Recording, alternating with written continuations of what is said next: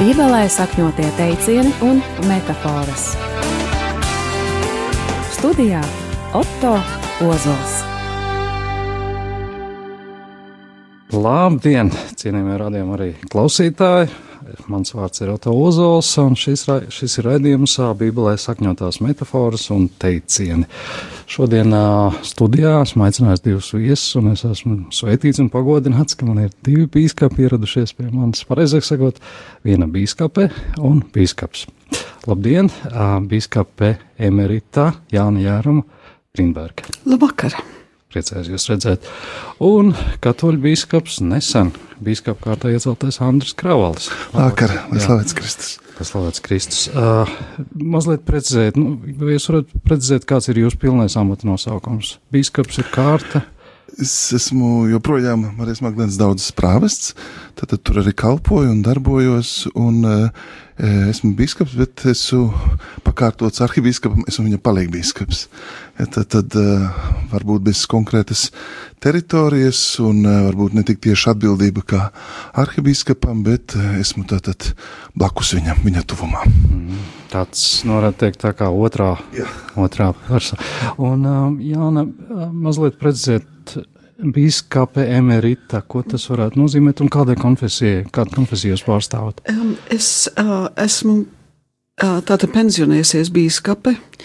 Uh, biju bīskapa Lutāņu baznīcā Lielbritānijā. Um, pēc tam arī, un pirms tam kalpoju arī Latviešu baznīcā Lielbritānijā, un pē, pēc tam šeit Rīgā kā, kā kapelāne um, Anglikāņu baznīcā. Uh, un šobrīd esmu arī no turienes uh, uh, aizgājis pensijā, mēģinu vēlreiz iet pensijā. Redzēsim, varbūt, šoreiz izdosies. Pagājušo reizi tā ar to pensionēšanos neizdevās. Ja es pareizi atceros, jūs arī kādu mirkli Staicelē kalpojāt. nē, es nekalpoju Staicelē, es, es dzīvoju Staicelē. Jā. Un, un tur vienkārši ir viens pansionāts, kur es braucu no tur svētbrīžu, tur cilvēkiem vīķos, kas ir ārkārtīgi skaists mēnesis, skaistākais brīdis faktiski šobrīd. Kā, jā. Jā. Jā, nu tas īsumā par, par viesiem, bet šodien mēs runāsim, kā jūs minējāt, raidījums saucās Bībelē sakņotās metafors un teicieni. Esmu jau iepriekš teicis, ka mēs ikdienā lietojam ārkārtīgi daudz teicienus un metafors, nereti pat neapzinoties, ka tās sakņojas Bībelē. Ā, Gan šie teicieni, gan metafori. Šodien runāsim par diviem seniem teicieniem. Pirmais ir aci pret aci, zobu pret zobu, un, ja sit pa labo vajag, tad pagriez kreiso. Un redzījuma otrajā daļā runāsim par teicienu labā roka nezina, ko dara kreisā. Tātad ķeramies pie pirmajiem, faktiski diviem teicieniem.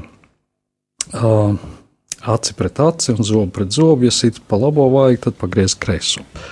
Šie teicieni ir minēti 2. mūzes grāmatā, 21. nodaļā, no 23. līdz 26. pantam. Es nolasīšu. Bet, ja notiek nelaime, tad būs likt dzīvību pret dzīvību, aci pret aci, zobu pret zobu, roku pret roku, kāju pret kāju, deguma brūci pret deguma brūci, ievainojumu pret ievainojumu, rētu pret rētu. Ja kāds izsit savam vergam vai verdzenē aci, tad lai tos atlaiž brīvībā, viņš lai to atlaiž acis dēļ. Un vēl tas ir minēts Mateja Vāģēlijā, 5. nodaļā, no 38. līdz 41. pantam. Jūs esat dzirdējuši, ka ir sacīts aci pret aci un zobu pret zobu, bet es jums saku, jums nebūs pretīm stāvēt ļaunajam, bet kas tev sit labajā vaigā, tam pagriez arī otru. Un kas ar tevi grib tiesāties un ņemt tavus svārkus, tam atdod arī apmetni. Un kas tev spiež iet vienu jūdzi, ar to vai divas. Tas bija Dieva vārds. Jā, vispirms pavisam ātri es pajautāšu, Jāna, cik, par cik veciem tekstiem mēs runājam, par cik sen ir šie teicieni, šīs raksturvietas. Um, nu, par Mateja evanģēliju es domāju, ka ir, ir divi viedokļi. Viens ir tas, ka tas ir rakstīts, uh, ka evanģēlijas ir rakstīts kaut kad diezgan jau ātri pēc Jēzus nāves un augšām celšanās, um, tātad kaut kur ap 60. gadu. Um, Pirmās, pirmā um, gadsimta pēc Kristus um, 60. gados kaut kur kaut kas tāds.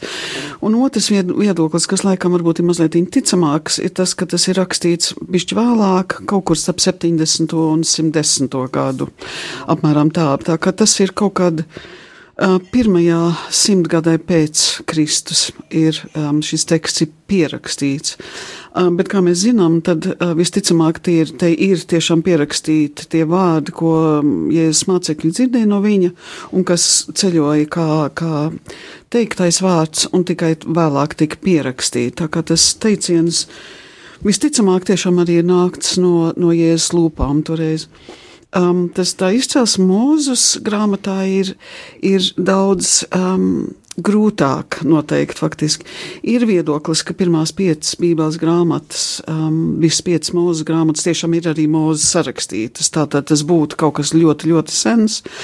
Um, bet Pārsvarā um, tagad es domāju, ka tā doma ir, ka tas nav gluži tik seni, un konkrēti otrā um, mūzes grāmata, no kā tu citēji, ir droši vien radusies kaut kur 500, 600 gadus pirms Kristus. Tā kā, protams, pirms Kristus, bet ne tik seni, un ka tas nav, teiksim, tāds um, teiciens, kas būtu radies tieši mūzes laikā, kas būtu drīzāk kaut kā 1300 gadu pirms Kristus, bet, bet visticamāk tas nav tik sens. Mm -hmm. Jā, Andri, Kraval, kā mums vajadzētu saprast šos abus? Viņi ir kā pretrunīgi teicieni, bet abi sakņojas Bībelē. Jā, man liekas, ka ļoti labi, ka mēs uzreiz uh, skatāmies šo tekstu kontekstā un saprotam, ka Jēzus ir nācis, lai piepildītu tos vārdus, kas ir pa, pateikti mm, vecajā derībā. Un ja mēs tikai paliktu pie vecās derības, kur īstenībā šie principi ir vairākās uh, mūzus uh, grāmatās, tad mēs uh, nu, pilnā mērā nesaprastu. Bet īstenībā Jēzus pats Mateja Vāģelē saka, jūs esat dzirdējuši, kā ir sacīts.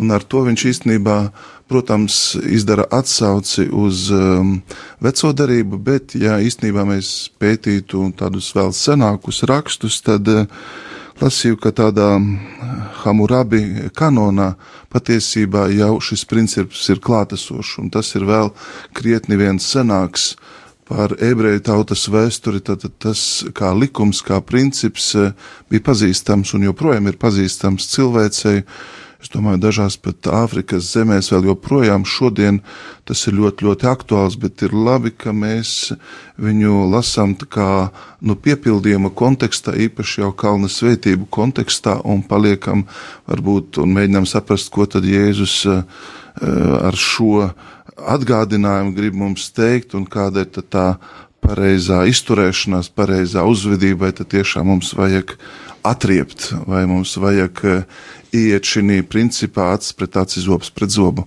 Jā, jā nereti es esmu dzirdējis gan kristīgā, gan nekristīgā vidē, ka, ka apspriež to, ka kristieši aicina, nu, ja tev iesit vienreiz, tad uh, pagriez otru vajag, lai sit tālāk.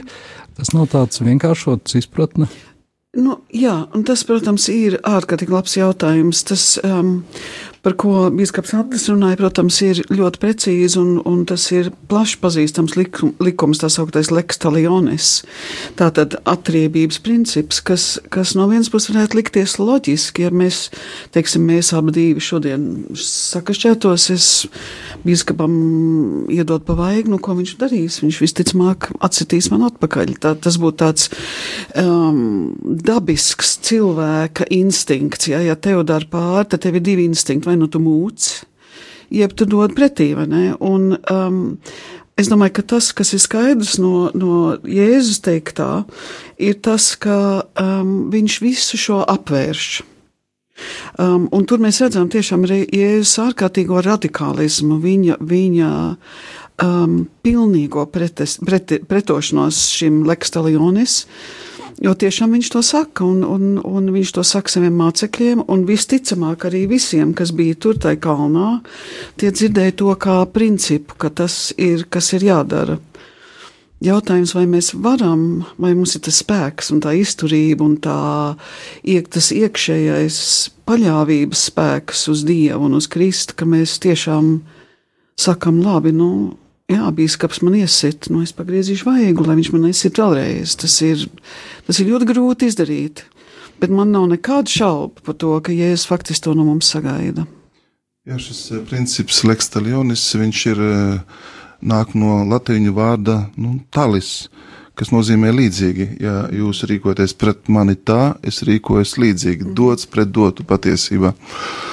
Un uh, šis princips patiesībā jau parādās pirmā mūzes grāmatā. Pirmā radīšanas grāmatā runā par Kaina pēcteci Lameku, kas īstenībā saka, ka Kains tiks aptriec septiņas reizes, septiņas reizes lielāka atriebība, un pēc tam viņš pats, Lameks saka, e, es atriebšos 70 reizes, un tajā kontekstā atriebties nozīmē kaut ko patiešām izdarīt cienīgu, priekš tā laika izpratnes, izdarīt uh, labu, jo tu parādi, ka tu esi stiprāks, pārāks. Un jāsaka, ka īpaši lasot uh, radīšanas grāmatu un cilvēks pirmsākumu, mēs patiešām redzam, ka ļaunums aug ka Jēzus patiesībā, tad, kad Pēteris prasīs, cik reizes man jāpiedod, netieši atsauksies uz šiem skaitļiem. Es tev nekas, nesaku septiņas reizes, bet septiņas reizes, septiņas, septiņas reizes, tātad tev ir jāpiedod vienmēr. Un Jēzus, protams, ar savu mācību vēlas mācekļus ievest jaunā loģikā. Un interesanti, ka mēs šodien apskatīsim vairāk um, Mateja evaņģēli, bet evaņģēlis Lūkas arī runā patiesībā par šo piedošanu, nosauc šo principu vārdā, bet viņš jau uh, iet mazliet vēl tālāk, kā Matejs. Viņš saka, īstenībā ir eh, jābūt trešajam, ir jābūt tiesnesim, kas šo lietu pareizi izspriež. Un evanģēlis Lūkas saka, ir jāpiedod, jo ir jālīdzinās Dievam, kas ir žēlsirdīgs, kas mums ir piedevis. Tad, tad redziet, šī nu, izpratne patiešām viņa E, ļoti radikāli izmainās ar pirmkārt jau e, pestīšanas vēsturi, caur praviešiem, caur um, sakām vārdu, caur gudrības grāmatām un savu pilnību viņš šis likums, ja tā var teikt, iegūst Kristus personā, kas saka, nu, jāpiedot ir vienmēr, nepaturi ļaunumu, neatriebies, jo to darot, tu nodarīsi pāri sev un uh, kalna svētības, uh, šīs vairākas nodaļas patiesībā, uh, jūs jau ļoti labi pareizi sacījāt, ka tas nav vienkārši uh, vēlāk. Tāds sakompilēts materiāls, bet evanģēlists Matejs diezgan droši var teikt, ka viņš ir rezumējis Jēzus mācību šī kalna svētību runā vairāku nodaļu garumā, kas kļūst par nu, kristiešu rīcības hartu, par pamatlikumu. Un tāpēc uh, Tas nav vienkārši padoms, dariet tā, kā Jēzus jums māca, ir kaut kas vairāk. Īstenībā Jēzus saka, ja tu gribi, lai tavs ceļš ir svētīts, ja tu gribi dzīvot pēc svētības loģikas, tad Eh, viņš arī skaidro šo principu, sakot, nu, tu nevari būt vardarbīgs, tu nevari eh, ļaunumam stāties pretī ļaunumam, bet eh, tev ir jāpieņem nu, tas princips, kas būs tālāk, pagriezt vaigu, ja tev iesit pa pirmo vaigu. Bet tad, tad es domāju, ka dažreiz šodienas cilvēks saka, nu, Bībelē jau tā rakstīts, acis pret aci, zobs pret zobu, kā tu man tā es tev un tiešām paliek šī principa līmenī, un tā arī īstenībā nu, nesaprot, kāpēc Jēzus to piemin. Bet mums jāsaprot, kāpēc Jēzus to piemin, un ka Jēzus arī dod spēku, nu, piedot, parādīt žēlsirdību, neatraid, neatraidīt un neatriepties. Jā, bet Jāni, es jautāšu jums, varbūt izvēršot iepriekšējo domu, vai tas uh, pagriez otru vajag, vai tas, nu, ja neiedziļinās, vai tas kaut kādā veidā neaicina samierināties ar netaisnību, ļaut turpināt sev darīt pāri. Nu, nu, teiksim, tā tas, pārliekot uz mūsdienu Latvijas situāciju, ja valdība mums vienreiz nodara valstī tautai pāri, tad mēs pagriežam otru vaigu un ļaujam tālāk, un viņi pierod pie tā.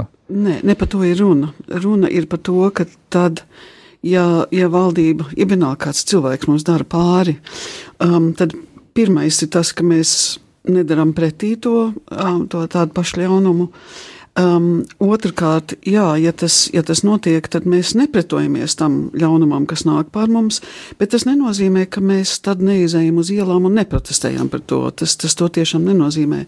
Tas nenozīmē um, pieņemt pārestības, netaisnības, uh, varmācības. Tas to tiešām nenozīmē. Uh, bet tas nozīmē pašam nepiekopt šādu, šādu rīcību uh, savā dzīvē. Um, ir, ir tāds izteiciens, kas ir nācis laikam. Es mēģināju atrast šodien, kas, kas to tieši teicis. Um, viens no pirmajiem noteikti bija Mahatma Gandhi, kas teica, um, ja mēs piekopsim aci pret aci, tad beigās mēs visi būsim akli.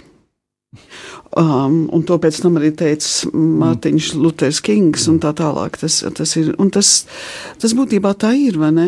Um, arī es domāju, ka mēs, mums ir ļoti jāuzmanās ar to izteicienu, teiksim, ja es saprotu, ka, ka manam kaimiņam, kaimiņam tiek darīts pāri, tas nenozīmē, ka es varu iet pie viņa un teikt, nē, nu, pieņem, nu, viss ir kārtībā, taču pieņem, ka pret tevi ir netaisnība. Tieši otrādi, es par pieņemt to netaisnību, kas tiek pret mani darīta, Bet par savu kaimiņu man ir vienmēr jāstāv un jāizstāv viņa tiesības um, tikt aprūpētam, tikt. Um, ka viņi, pret viņu nenotiek netaisnība. Tā, tas, tas, tā nav samierināšanās, tas nav vieglais ceļš. Um, un, ja es drīkst vēl pieminēt, ir tā, ka tieši šie izteicieni ir, ir bijuši inspirācija ļoti daudziem cilvēkiem. Tam pašam Mahatma Gandhi, tam pašam um, Kingam, arī Bonheferam, Lutāņu moceklim, otrā pasaules kara moceklim, kas visi tieši šādā veidā dzīvoja. Un, protams, līdz ar to viņiem darīja pāri, um, uh, Kingu nošāva. Um, Bonhefer arī otrā pasaules kara pēdējās dienās nošāva vācieši gūstā. Um, Bet kāds ir bijis viņa nopelns? To mēs redzam, kas ir bijis Mārtiņa Lutera Kinga nopelns, kas ir bijis Bonhoefera nopelns, kas ir bijis Gandija nopelns? Brīvība uh, Indijai. Tā kā līdz ar to mēs varbūt atļaujam, ka pret mums notiek kaut kas briesmīgs, saprastami, ka mērķis ir tālāks nekā tikai mēs. Tad es varēju saprast, ka īstenībā šie vārdi iedvesmo to saucamo nevardarbīgās pretošanās filozofiju. Tieši tā, jā. Mhm. Ar Martinu Lutheru Kingu es vienmēr esmu, lielā mērā viņš man iedvesmo atgriezties, teikšu atklāt, ka toreiz Amerikas Savienoto Valstu mm. tumšādainie afroamerikāņi, viņi bija dusmīgi, viņi bija aizvainoti, viņi bija mm. pazemoti un pamatoti. Mm. Un viņus tiešām uh, Un, un es pilnīgi saprotu, ka viņi bija gatavi nodedzināt. Īstenībā viņi bija gatavi ar nemieriem uzspridzināt šo Amerikas Savienotās valsts. Ka Mārtiņš Luthers Kings patiesībā tā nebija tā viena šī runa, I have a dream, un sapnis, viņš gadiem, gadiem ilgi bija ar to nodarbojies, mm. bet ka viņš ar vārdu, ar šo nevardarbīgās pretošanās ideju, ka viņš jā, nomierināja, ka viņš jā. laboja šo taisnību, tas tā bija Tieši tā, tā, tā vēsts. Mm. Jā, un uh, gribētu biskap, biskapam Kravalim jautāt, bet vai, vai tiešām, jā, ne, te tādā gal galā labais uzvarēs, bet kā mums ikdienas situācijā cerēt uz to, kā. kā... Es gribu, lai varbūt mēs mazliet kā jā. padomā par šo rakstu vietu, arī Lūkas saka, ja tev pagriež vienu vaigu, pagriez otru, bet šeit ir nianse. Ja kāds tev sit par labo vaigu, Mārtiņ, tev tagad mazliet ir jāiedomājas, lai saprastu, lai es te varētu iesist pa labo vaigu, ir īstenībā ļoti grūti to izdarīt ar dēlnu. Un ebreji, ja viņi, ja tā var teikt, sita ar dēlnu, viņi kļuva nešķīsti kādam citam. Tad, tad tas īstenībā nozīmē, ka e, viņš pats sitot e, nu, sevi aptraipīja. Un tāpēc pa tavu labo vaigu, es varu iesist tikai ar dēlnes augšpusi, ar šo daļu. Tā, loģiski. Es tā nevaru Jā. labi atvēsties un dēlni iesi pa tavu labo vaigu, ja tā runam. Un tātad, ja tu esi gatavs pagriezt otru vaigu pret mani, tad tu man saki kaut ko svarīgu, jo e, tad, tad tikai saviem bērniem ebreji varēs iztart dēlnu. Bet tātad svežzemniekiem, parādot nicīgi, e, bieži vien varbūt pagānus uzrunāt par e, zemākiem, par suņiem un tā tālāk, tika sists ar šo daļu, un ja tu pagriez otru daļu, ar to tu gribi pateikt, es arī esmu cilvēks, apveltīts ar cieņu, tātad parādi man šo cieņu, novērtē, un e, ja tu man sitīs par labo vaigu, tad tu pret mani izturēsies kā pret līdzīgu. Ja tad tiešām eh, to, to saka Bībeles eh, pētnieks, tā arī pats bija ļoti ieinteresēts šī tādā skaidrojumā, jo svētos rakstos ebrejiem ir daudz dažādu tulkojumu Talmudā, un tad šis ir viens no tāds, eh, tāds nu, skaidrojums. Bet uh, jūs jau sacījāt, ka tiešām šeit Jēzus pasludina nevardarbības uh, principu, un es gribu pastāstīt kādu konkrētu gadījumu, kas notika ar tādu francūzi, kas bija karavīrs un kas īstenībā bija tādas nevardarbīgas pretošanās pionieris šeit Eiropā. Viņa vārds bija Žants Goss. Un situācija bija tāda, ka koncentrācijas nometnē katru rītu kāds esesietis kādu piekāva. Uh, nu, viņam bija tāda nepieciešama to darīt. Un kad viņš to darīja, tad šis cilvēks, Žants Goss, izgāja priekšā un sacīja, nu, ja tu gribi kādu piekaut, tu piekauj mani. Uz ko viņš apstulba, viņš saka, es tev varu tā piekaut, ka tu nu, savu vārdu aizmirsīsi. Vai tu to gribi? Viņš sacīja, nē, es to negribu, bet ja tu to izdarīsi, tu nakti negulēsi. Viņš tiešām nepacēla roku, bet no šī brīža viņa šī esesiešu situācija un attieksme pret ieslodzītiem, kara ieslodzītiem, kas bija karavīri, izmainījās. Tad, tad šis cilvēks drosmīgi nostājās viņa priekšā un atgādināja arī, arī mēs esam cilvēki, arī mēs, ja tā var teikt, pieprasām cilvēcisku cieņu, pat ja esam nu, tādā stāvoklī. Un tāpēc ļoti svarīgi ir, ja tā var teikt, saprast, ka Mums ir jāpretojās ļaunumam, mums jāpretojās sātanam, bet otrs cilvēks nekad nav mans ienaidnieks.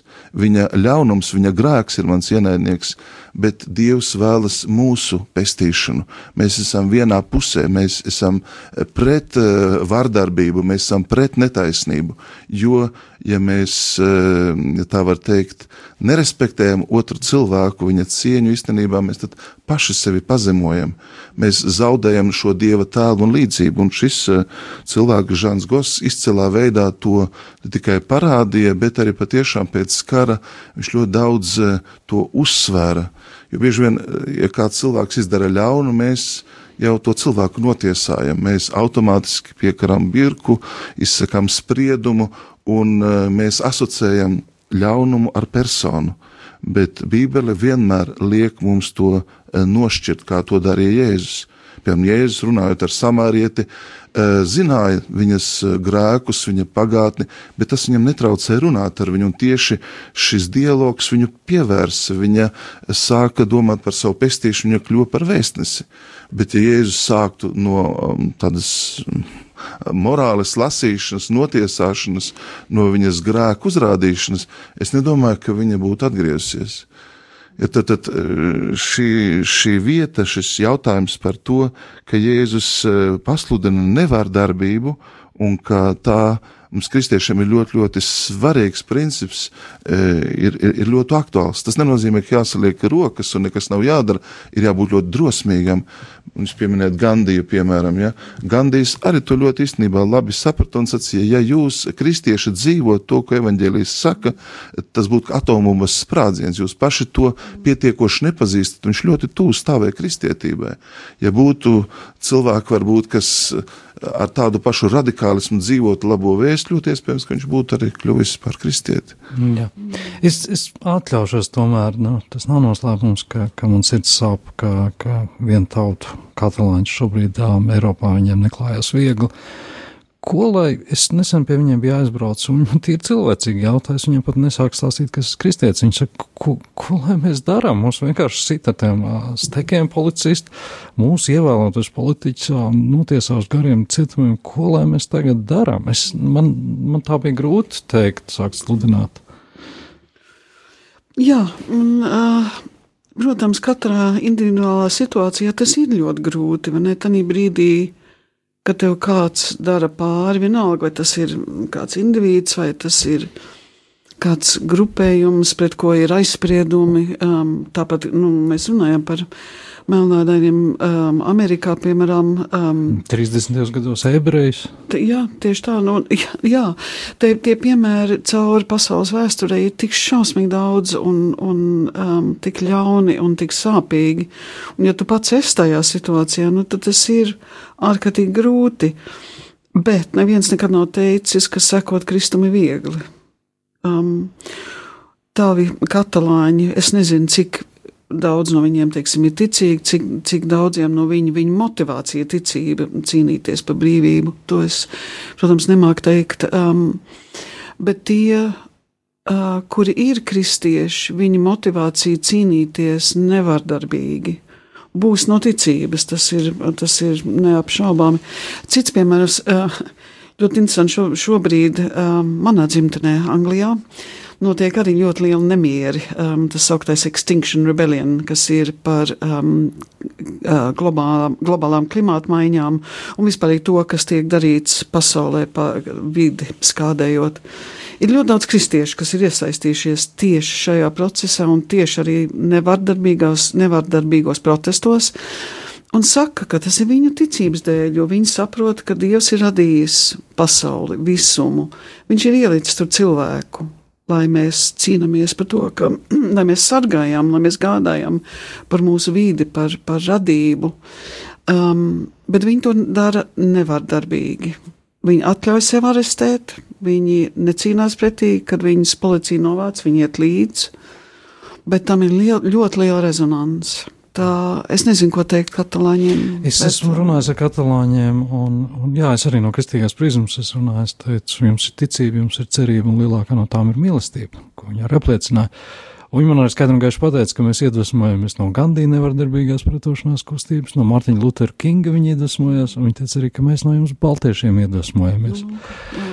Bet um, es bīskapam Kravalim gribētu jautāt, nu, es, nu, kristieši, vismaz es no savas prizmas, bet tomēr arī par citiem es varētu teikt, ka mēs paļaujamies, ka Dievs ir žēlsirdīgs un ka Dievs ir taisnīgs, un ja tā netaisnība ir notikusi ar mums, ja mēs esam cietuši netaisnīgi no kāda, un sakot, ja es vārdam neesam atriepušies uz vietas, un tieši tāpat, kā mēs varam paļauties, ka taisnīgums triumfēs? Es domāju, ka mm, tas ir apsolījums, kas pilnā mērā piepildīsies debesu valstībā. Šeit ar ticību un paliekot ticībā, un pilnīgi piekrīt jums, um, Biskupē Janai par to nevardarbību, par to, uh, ka Jēzus saka, mīliet savus ienaidniekus, lūdziet, un eh, ja mēs eh, rīkojamies tā, kā, nu, piemēram, katlāņu gadījumā pret viņiem izturas, viņi iet, ja tā var teikt, nu, tādā aburtā lokā, jo ļaunums jau ļaunumu neuzvarēs. To Jēzus ļoti saka. Un Jēzus arī saka, nu, eh, jums nav pilnvaru tiesāt, ar kādu mēru jūs mērīsiet, ar tādu tiks atmērīts, ja netiesājot, un jūs netiksiet tiesāti. Varbūt šo tādu gala spriedumu svarīgi tomēr atstāt Dievam un nekļūt par tiesnesi konkrētā situācijā. Tas prasa pazemību. Es arī gribu vienu piemēru atsaukt atmiņā, tad, kad Francijā jaunieši tādā nevārdarbīgā veidā pulcējās grupās uz ielas, viņi nu, neņēma, nemeklēja bruģakmeņus, viņi nelauza kokus, bet vienkārši apsēdās un klusēja. Un tas bija ļoti organizēti, un tas bija ļoti iespaidīgi redzot, ka jaunieši var apklust, ka viņi ir vienoti kā ar kādu kopīgu mērķi, un tas patiešām ietekmēja daudz vairāk, jo dažreiz jau pretinieks gaida, ka mēs rīkosimies līdzīgi, kad metīsim akmeņus, kad pacelsim dūres un iesim atrībības loģikā bet eh, šo, varbūt šo principu nāk prātā tūlīt, kā Jēzus rīkojas pret tiem, kas eh, nu, vēlējās, lai laulības pārkāpšanā pieķerta sieviete tik nomētāta akmeņiem.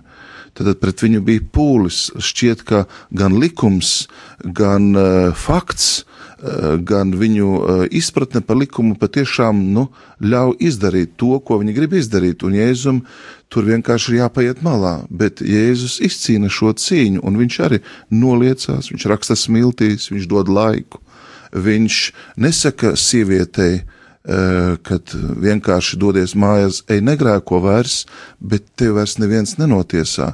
Un ar Jēzu saka, es arī tevi netiesāju jo ir vēl vienmēr iespēja atgriezties, parādīt žēlsirdību, piedot. Un tāpēc es domāju, ka šādos brīžos, manuprāt, mūsu sabiedrotais ir laiks, ir arī dieva um, apredzība un uh, ir arī uh, to, ko mēs saucam par uh, providenci. Dieva noslēpumaino iejaukšanos. Dievs taču var arī no acīm redzama ļaunuma, netaisnības eh, vērst visu par labu, un to mēs pestīšanas vēsturē esam eh, redzējuši. Un tāpēc, manuprāt, šīs attieksmes ticība, paļāvība, pestīts tiks tas, kas izturēs līdz galam, lēnprātība. Kristus saka, mācieties no manis, esmu lēnprātīgs un pazemīgu sirdi.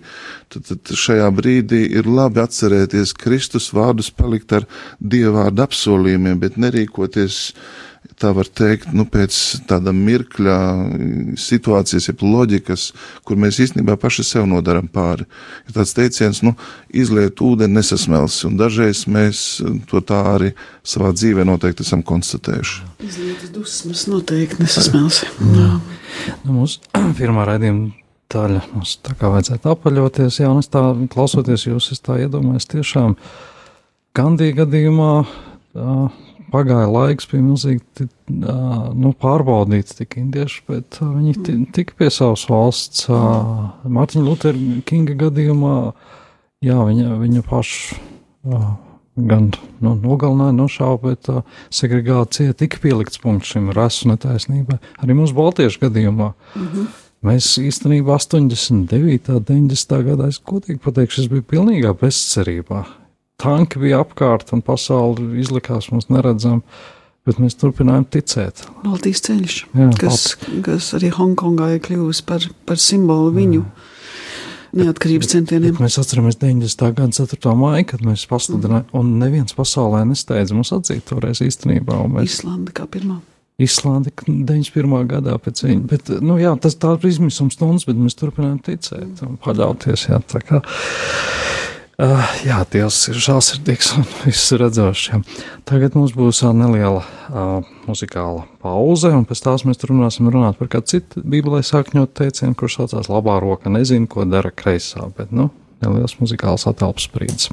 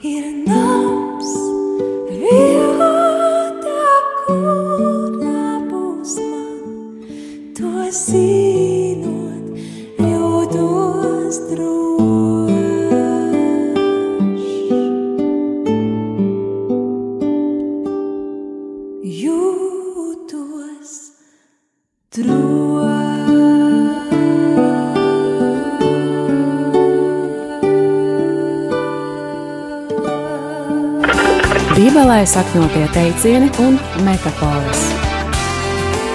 Studijā Otto Ozols. Uzreiz piebildīšu, ka tikko jūs dzirdējāt Lībijas ētas kalniņas. Brīnišķīgos skaņdarbus stāstīts man.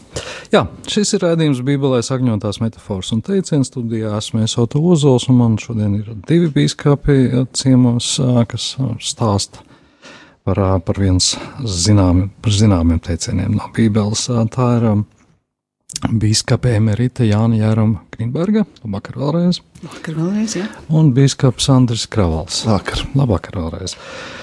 Zināmā mērā mēs paturpināsim iesākt to jau, ja mēs atkal runāsim par, par teicienu, kas sakņojas Mateja evaņģēlijā. Un šis teiciens ir bieži ikdienā mūsdienās lietotais - labā roka nezina, ko dara kreisā. Uh, jā, uh, pazīstams teiciens, bet ret, reizēm cilvēki neattopās, ka viņš patiesībā arī balstās Bībelē, un uh, viņš ir pieminēts Mateja evaņģēlijā sastajā nodaļā. Es no, nolasīšu attiecīgo vietu. Sastā nodaļa, pirmais pants, pirmais līdz ceturtais pants. Sargājieties, ka jūsu taisnība nav tāda, kas grib spīdēt ļaužu priekšā, citādi jums nav nekādas algas pie jūsu tēva debesīs. Ko tu dod mīlestības dāvans, kad tu dod mīlestības dāvans, tad neizliec to izbazūnēt savā priekšā, kā liekuļi to dara sinagogās un ielās, lai ļaudis tos godinātu. Patiesi, es jums saku, tiem jau ir sava alga. Bet, kad tu dod mīlestības dāvans, tad tava kreisā roka, lai nezina, ko labā dara, tā kā tava dāvana paliek apslēpta, un tavs tēvs, kas redz slepenībā, tev to atmaksās. Tas bija Dieva vārds, Mateja Vāģēlijas 8. nodaļa, no 1 līdz 4 pantam. Jā, Piskapa Andri Kravalī. Mēs jau iepriekš sākām pieminējām Kalnas prediķu, un šis ir faktiski. tā- Jā, man liekas, ka ļoti labi to, ka tu esi palicis kalna uh, svētību kontekstā, jo patiešām nu, tā no varbūt uh, katehēzes uh, ir jākonstatē, ka bērni daudz ātrāk iemācās um, desmit baušļus, iemācās lūkšanas, bet pat ja pieaugušam, pat ne tikai bērnam, pieaugušam paprasa, kas ir kalna svētības, tad mēs sākam instināties. Un šī ir ļoti, ļoti nozīmīga vieta, jo kalna svētības ir Jēzus sludināšanas centrs. Tā ir, var teikt, nu, kodols, eh, viņa mācības sintēze. Mēs jau iepriekšējā daļā sacījām, ka tā kļūst par kristieša rīcības hartu. Bet tie nav tikai astoņi principi, kas ir nosaukti vienkārši svētīgi, garā, nabadzīga, lēnprātīga, žēlsirdīga, bet tiešām tur ir sava loģika, tur ir, ja tā var teikt, eh, apsolījums, kas jau šeit piepildās, un pirmā svētība, svētīgi garā, nabagie, tiem pieder debesu valstī, patiesībā ir kā atslēga eh, tam, kā mēs esam aicināti svētības saprast un īstenot. Eh, Daži Bībeles pētnieki saka, ka kalna svētības īstenībā ir kā Jēzus portrets, Jēzus rīcība, jo katru no šīm svētībām viņš patiešām ar savu dzīvi piepilda. Un tad, tad lai šos astoņus principus, ko Matejs ļoti svinīgā veidā attēlo Jēzus kāp kalnā, māceklis sapulcējās, bez mācekļiem ir arī citi viņa sekotāji, un apsēdies kā jaunais mūzis, viņš tos pasludina. Un jāatcerās, ka ne tikai pie Mateja, bet arī Lūkas evanģēlē mēs sestā nodaļā atrodam kalna svētību, bet vairs tas nav kalnā, ja es nokāpu no kalna un uzrunā sapulcējušos mācekļus. Un tātad pēc šiem principiem Lūkas ir mazliet savādāk. Tur ir četri eh, svētības un četri laime, bēdas, ja plāsti. Ja mēs to tā nedaram, tad ir eh, svarīgi skaidrojumi, sešas tādas eh, situācijas konkrētas, kurās Jēzus izskaidro šos principus. Un tieši sestā nodaļā mēs ar to iesākām runāt, ir principi par pirmkārt žēlsirdības dāvanām, par lūgšanu un par gavēšanu. Tad, ja mēs apstājamies tagad pie šīs svēto rakstu vietas, mēs saprotam, ka šis princips attiecas uz uh, tuvāku mīlestību, uz to, kā mēs dodam žēlsirdības dāvanas, jeb kā mēs rūpējamies par otru, bet, uh, lai ko mēs runātu, mums jāsaprot, ka šī attieksme ir cieši saistīta gan ar lūgšanu, gan ar gandarīšanu, jeb uh, gavēni. Mēs tā katoliskās baznīcas katehizmā bērniem parasti mācām, nu, kas dievam ir vispatīkamākais. Nu, tad ir lūkšana, tuvāk mīlestība un arī nu, gandarīšana, gavēnis, kā mēs to interpretējam. Un tas patiešām nāk tieši šeit no Jēzus mācības sirds, no šīs mācības esences kodola. Jā. Un tas ir tieši tas, piemēram, um, tieši pirms sākās lielais gavēnis, pelnu dienā. Mēs arī tieši šos tekstus lasām no sastās nodaļas, lai atgādinātu sev, kā, kā gavēņa laikā, kā mēs varam tomēr atkal reizi iedziļināties šī, šīs. Um, Šais tekstos, šīs, šīs jēzus vārdos, kas ir tik ārkārtīgi būtiski. Um, kas, es domāju, arī ļoti interesanti, ir tas, ka um, šos vārdus e, tie man atgādina tādu sliktu kino reklāmu. Tādā ziņā, ka, ka teiksim, sliktās kino reklāmās mēs redzam daudz punktus, ļoti labi daudz punkts. Ja? Un faktiski pilnais teikums, kas ir teikts, bija vienīgais, kas šajā filmā ir ļoti labi, ir beigas. bet teiksim, ir izgriezti šie divi vārdi, kas atspoguļoja kaut ko. Un šeit ir tā, jo mēs lietojam šos vārdus. Um, uh, kreisā roka nezina, ko labā dara. Kas absolūti neatspoguļo, kas faktiski šajā tekstā ir teikts. Um, un es, es paskatījos mazliet internetā. Alvis Hermans, piemēram, 14. Uh, gadā um, apraksta Putina viesošanos kādā teātrizādē un saka, um, Ka, un tas pierāda tikai to, ka Kremlī šobrīd labā roka nezina, ko dara kreisā.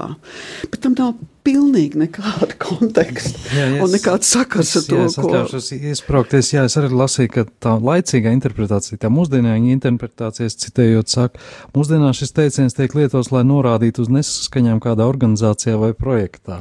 Tieši tā, jā, un tas, tas absolūti nav, jo Jēzus doma tieši šajā um, konkrētajā pantā ir tas, ka viņš norāda uz to, kas ir mūsu motivācija kaut ko darīt. Teiksim, žēlastības dāvanas, labi, mums ir uzlikts kā, kā pienākums, kā kristiešiem dot žēlastības dāvanas. Bet kāpēc mēs to darām? Mēs to darām tāpēc, lai cilvēki mūs abrīno. Tāpēc, faktiski, lai mēs paši justos labi par sevi, mēs varam sev uzsist uz pleca un teikt, nu, forši, es iedevu desmit eirus kaut kādai labdarībai. Un ne par to ir runa. Te atkal ir tā labā kreisā metāfora, ne, kas, kas parādās, ko, pa ko um, Biskaps Andris iepriekš runāja. Bet ir tā, ka um, parasti, teiksim, kā, kā jau jūs teicāt, ir labā roka, kas kaut ko aktīvi dara. Un te tā doma ir tāda, ka pat tava kreisā roka, kas ir tik tuvu saistīta, viņi nezina, ko tā labā roka dara. Tā pat tu pats par sevi nedomā par to, cik tu esi fantastisks cilvēks, ka tu šo, šo mazo darbiņu esi izdarījis.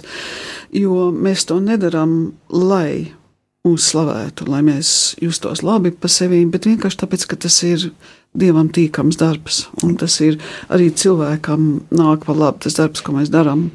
Līdz ar to tas ir kaut kas pilnīgi pretrunā ar to, kā tas tautā tiek lietots. Bet labi, ka jūs pieminējat šos, es iedevu kaut kādam projektam kaut kāds desmit eiro. Es atcerējos, es, nezinu, cik precīzi tiešām tas tā bija, bet cilvēks, kurš man pārstāstīja, teica, ka tā, tas noticies tāds, ka kā bērnu slimnīcas fonds, atbalsta fonds, uh, vienu rītu grāmatvedu atver vaļā savu kontu un pēkšņi redz, ka ir ienācis ziedojums ar sešām nulēm. Vienkārši. Un tas ziedotājs, bagāta organizācija, kas var atļauties godprātīgi, un tādu nevienu vārdu, neko nebija neizziņojis, neko vienkārši nolēmus, ka viņiem ir tā nauda, viņi vienkārši noziedoja. Un pilnīgi cieta klusu un neplātījās ar to un neizmantoja nekādā veidā. Piemēram, tā viņi vairāk strādā uz ārzemju tirgiem, un viņiem, nu, šeit nekāda lieka publicitāte vai reklāma vispār nebija nepieciešama. Viņi, viņi teica, arī tas fonds vienkārši sēdēja un tā, vienkārši skatījās un neticēja savām acīm. Šie saka, mēs vienkārši noziedojam visu. Jā. Tas, tas tā ir ilustrācija tieši tam, ko Jēzus saka. Acīm redzot, šie cilvēki iespējams tad bija lasījuši un sapratuši šo vēstu. Jā, noteikti, lai šo vietu labi saprastu, ir jāatgriežas pie tā teksta, un labi, ka mēs viņu nolasījām. Un viņš jāredz tiešām nu, kontekstā ar šīm divām citām attieksmēm, bet svētos rakstos bieži vien eh, tie teksti tika uzrakstīti tādā veidā, lai labāk atcerētos, lai ar atkārtošanu viņi ritmiski tiktu um, tās sev atgādināti, pārstāstīti. Un šeit tiešām ir tas gadījums, jo praktiski tā schēma, tas ritms šam tekstam attiecībā uz um, tuvāku mīlestību, uz šo dāvanu došanu un uz lūkšanu un uz gavēšanu ir pilnīgi identisks. Tad visas šīs lietas, trīs lietas, pamatstājas, īstenībā ir savstarpēji saistītas. Kāpēc? Tāpēc, ka e, tuvāk mīlestība, dāvana došana, tās ir attiecības ar tuvāko. Lūkšana ir attiecības ar Dievu, savukārt gavēšana, gandarīšana ir attiecības pašam ar sevi. Tad, tad ja mēs gribam saprast šo svēto rakstu vietu, labā roka nezina, ko dara kreisā, tas nozīmē, ka nekādā ziņā mēs nevaram dot kādu dāvanu, lai izceltu sevi, bet gluži pretēji tas tiek pateikts, nu, tu tad aizmirsti sevi, tu nerēķini, varbūt dažreiz tu pat neskaiti, tu ieliec kabatā, un kas tev ir, un tu dod. Drīzāk, kā Jēzus saka, īstenībā no sirds pārpilnības mute runā, ka tu esi tik dāsns, ka tu cilvēciski, ja tā var teikt, vēlies otram dot to labāku un nemeklē savu godu, Un uh, vienmēr šis pamudinājums noslēdzās ar to, ka, uh, lai tas paliek apslēpts, kā jūs ļoti labi sacījāt, tajā situācijā, jo tēvs, kas redz slepeno, tev atalgos. Un tad, tā nav vienkārši tuvāk mīlestība vai došanas princips, bet īstenībā tas ir uh, saistīts visciešākā veidā ar Dievu, jo kā tu izturies pret savu tuvāko, tā īstenībā tu piepildi jēzus mīlestības bausli. Jo, ja tu um, nemīli Dievu, tad tu patiesībā nevari ieraudzīt sava tuvākā vajadzības, un savukārt tikai mīlot tuvāko, tava mīlestība uz Dievu kļūst autentiska un patiesa. Tad, tad um, redzam, cik uh, niansēti šī gadījumā šīs trīs tādas pamata attieksmes, ko cilvēks nes ikdienas, jo viņš vienmēr ir attiecībā ar tuvāko, vairāk vai mazāk ar sevi pašu un arī ar Dievu, tad īstenībā pareizi liek saprast eh, nu, šo principu, kad mēs esam aicināti būt dāsni, dot, eh, dot eh, nemērot un dot ne tikai no tā, kas mums paliek pāri, sevi neizceļot, darīt labu. Un es domāju, tas, ko ir arī vērts varbūt pieminēt, ir tas, ka attiecībā uz visām šīm trīs lietām, uz tām žēlastības dāvanām, lūkšanām un gavēšanu, teksts jau saka, kad jūs lūdzat, kad jūs dodat žēlastības dāvanas, kad jūs gavējat, nevis, ja nu gadījumā jums sanāk lūgt. Bet tas ir, tas ir domāts tāds, ka tas ir pilnīgi caurvījās mūsu dzīvē, kā, kā kristiešiem.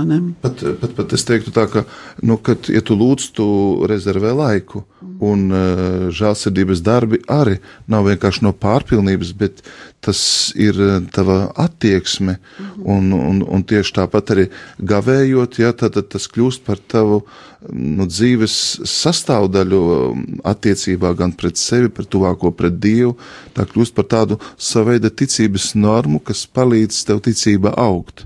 Jo šie nav vienkārši tādi ieteikumi, bet uh, mēs zinām, ka mm, visos savos dzīves gadījumos Jēzus pilnīgākā mērā īstenībā piepilda šīs attieksmes. Viņš, ja, kas nepatur sev neko, kas atdod sev visu, kas nemitīgi ir attiecībās ar tēvu un kas tātad, nu, piedod uh, savam tuvākam, pat esot pie krusta, saviem ienaidniekiem un aizlūdz par viņiem, sakot, viņi jau nezina, ko dara. Tad, tad eh, arī šeit nepietiktu tikai, ka mēs paņemtu šos principus un teiktu, ja tie izriet no kalna svētībām, tie ir kā Jēzus eh, sprediķošanas norādījumi. Nē, Jēzus pats tos īstenojot vēlas dot mums spēku. Tieši ar to mēs atklājam Jēzu, rīkojoties dievišķi Es taču saku, esiet pilnīgi, kā mans tēvs debesīs ir pilnīgs. Un tad, tad uh, caur to mēs nu, atklājam un ienesam nu, pasaulē dieva klātbūtni. Caur to arī atklājās dieva līdzība mūsos. Ja. Un, un vēl gribētos piebilst, ka, um, ja mēs uzskatām, ka garīgums ir tā ticība, kas mums ir, plus tas ceļš, kurā mēs ejam, nu tad šeit, teiksim, tādīs bībeles vārdos atklājās tā ticība, kas mums būtu jābūt mūsu dzīves centrā, plus arī tas ceļš, kas mums ir ejams. Tā kā jūs teicāt, Andri, par to, ka, ka gan devīgums, gan lūkšana, gan um, sevis caurskatīšana, kas ir faktiski gavēšana, vai ne, ka tas ir tas kļūst par mūsu ceļu, pilnveidojoties kā kristiešiem.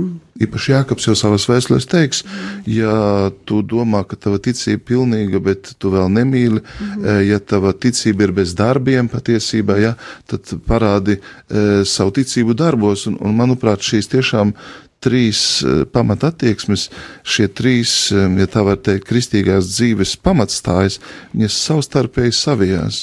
Jo, ja mēs gavējam un nelūdzamies, un mēs nedalāmies ar to, no kā mēs atsakāmies, tas ir šodien to sauc par badošanās, veselīgu dzīvesveidu, to sauc kā vien grib, bet tā nav e, kristīga attieksme. Es gribu teikt, ka nu, tā kā trīsstūris, kur katra mala balstās, un tā figūra ir par trīsstūri, tāpēc, kad ir šī mala, tad tā arī šīs trīs realitātes veido kristīgās dzīves pamatu.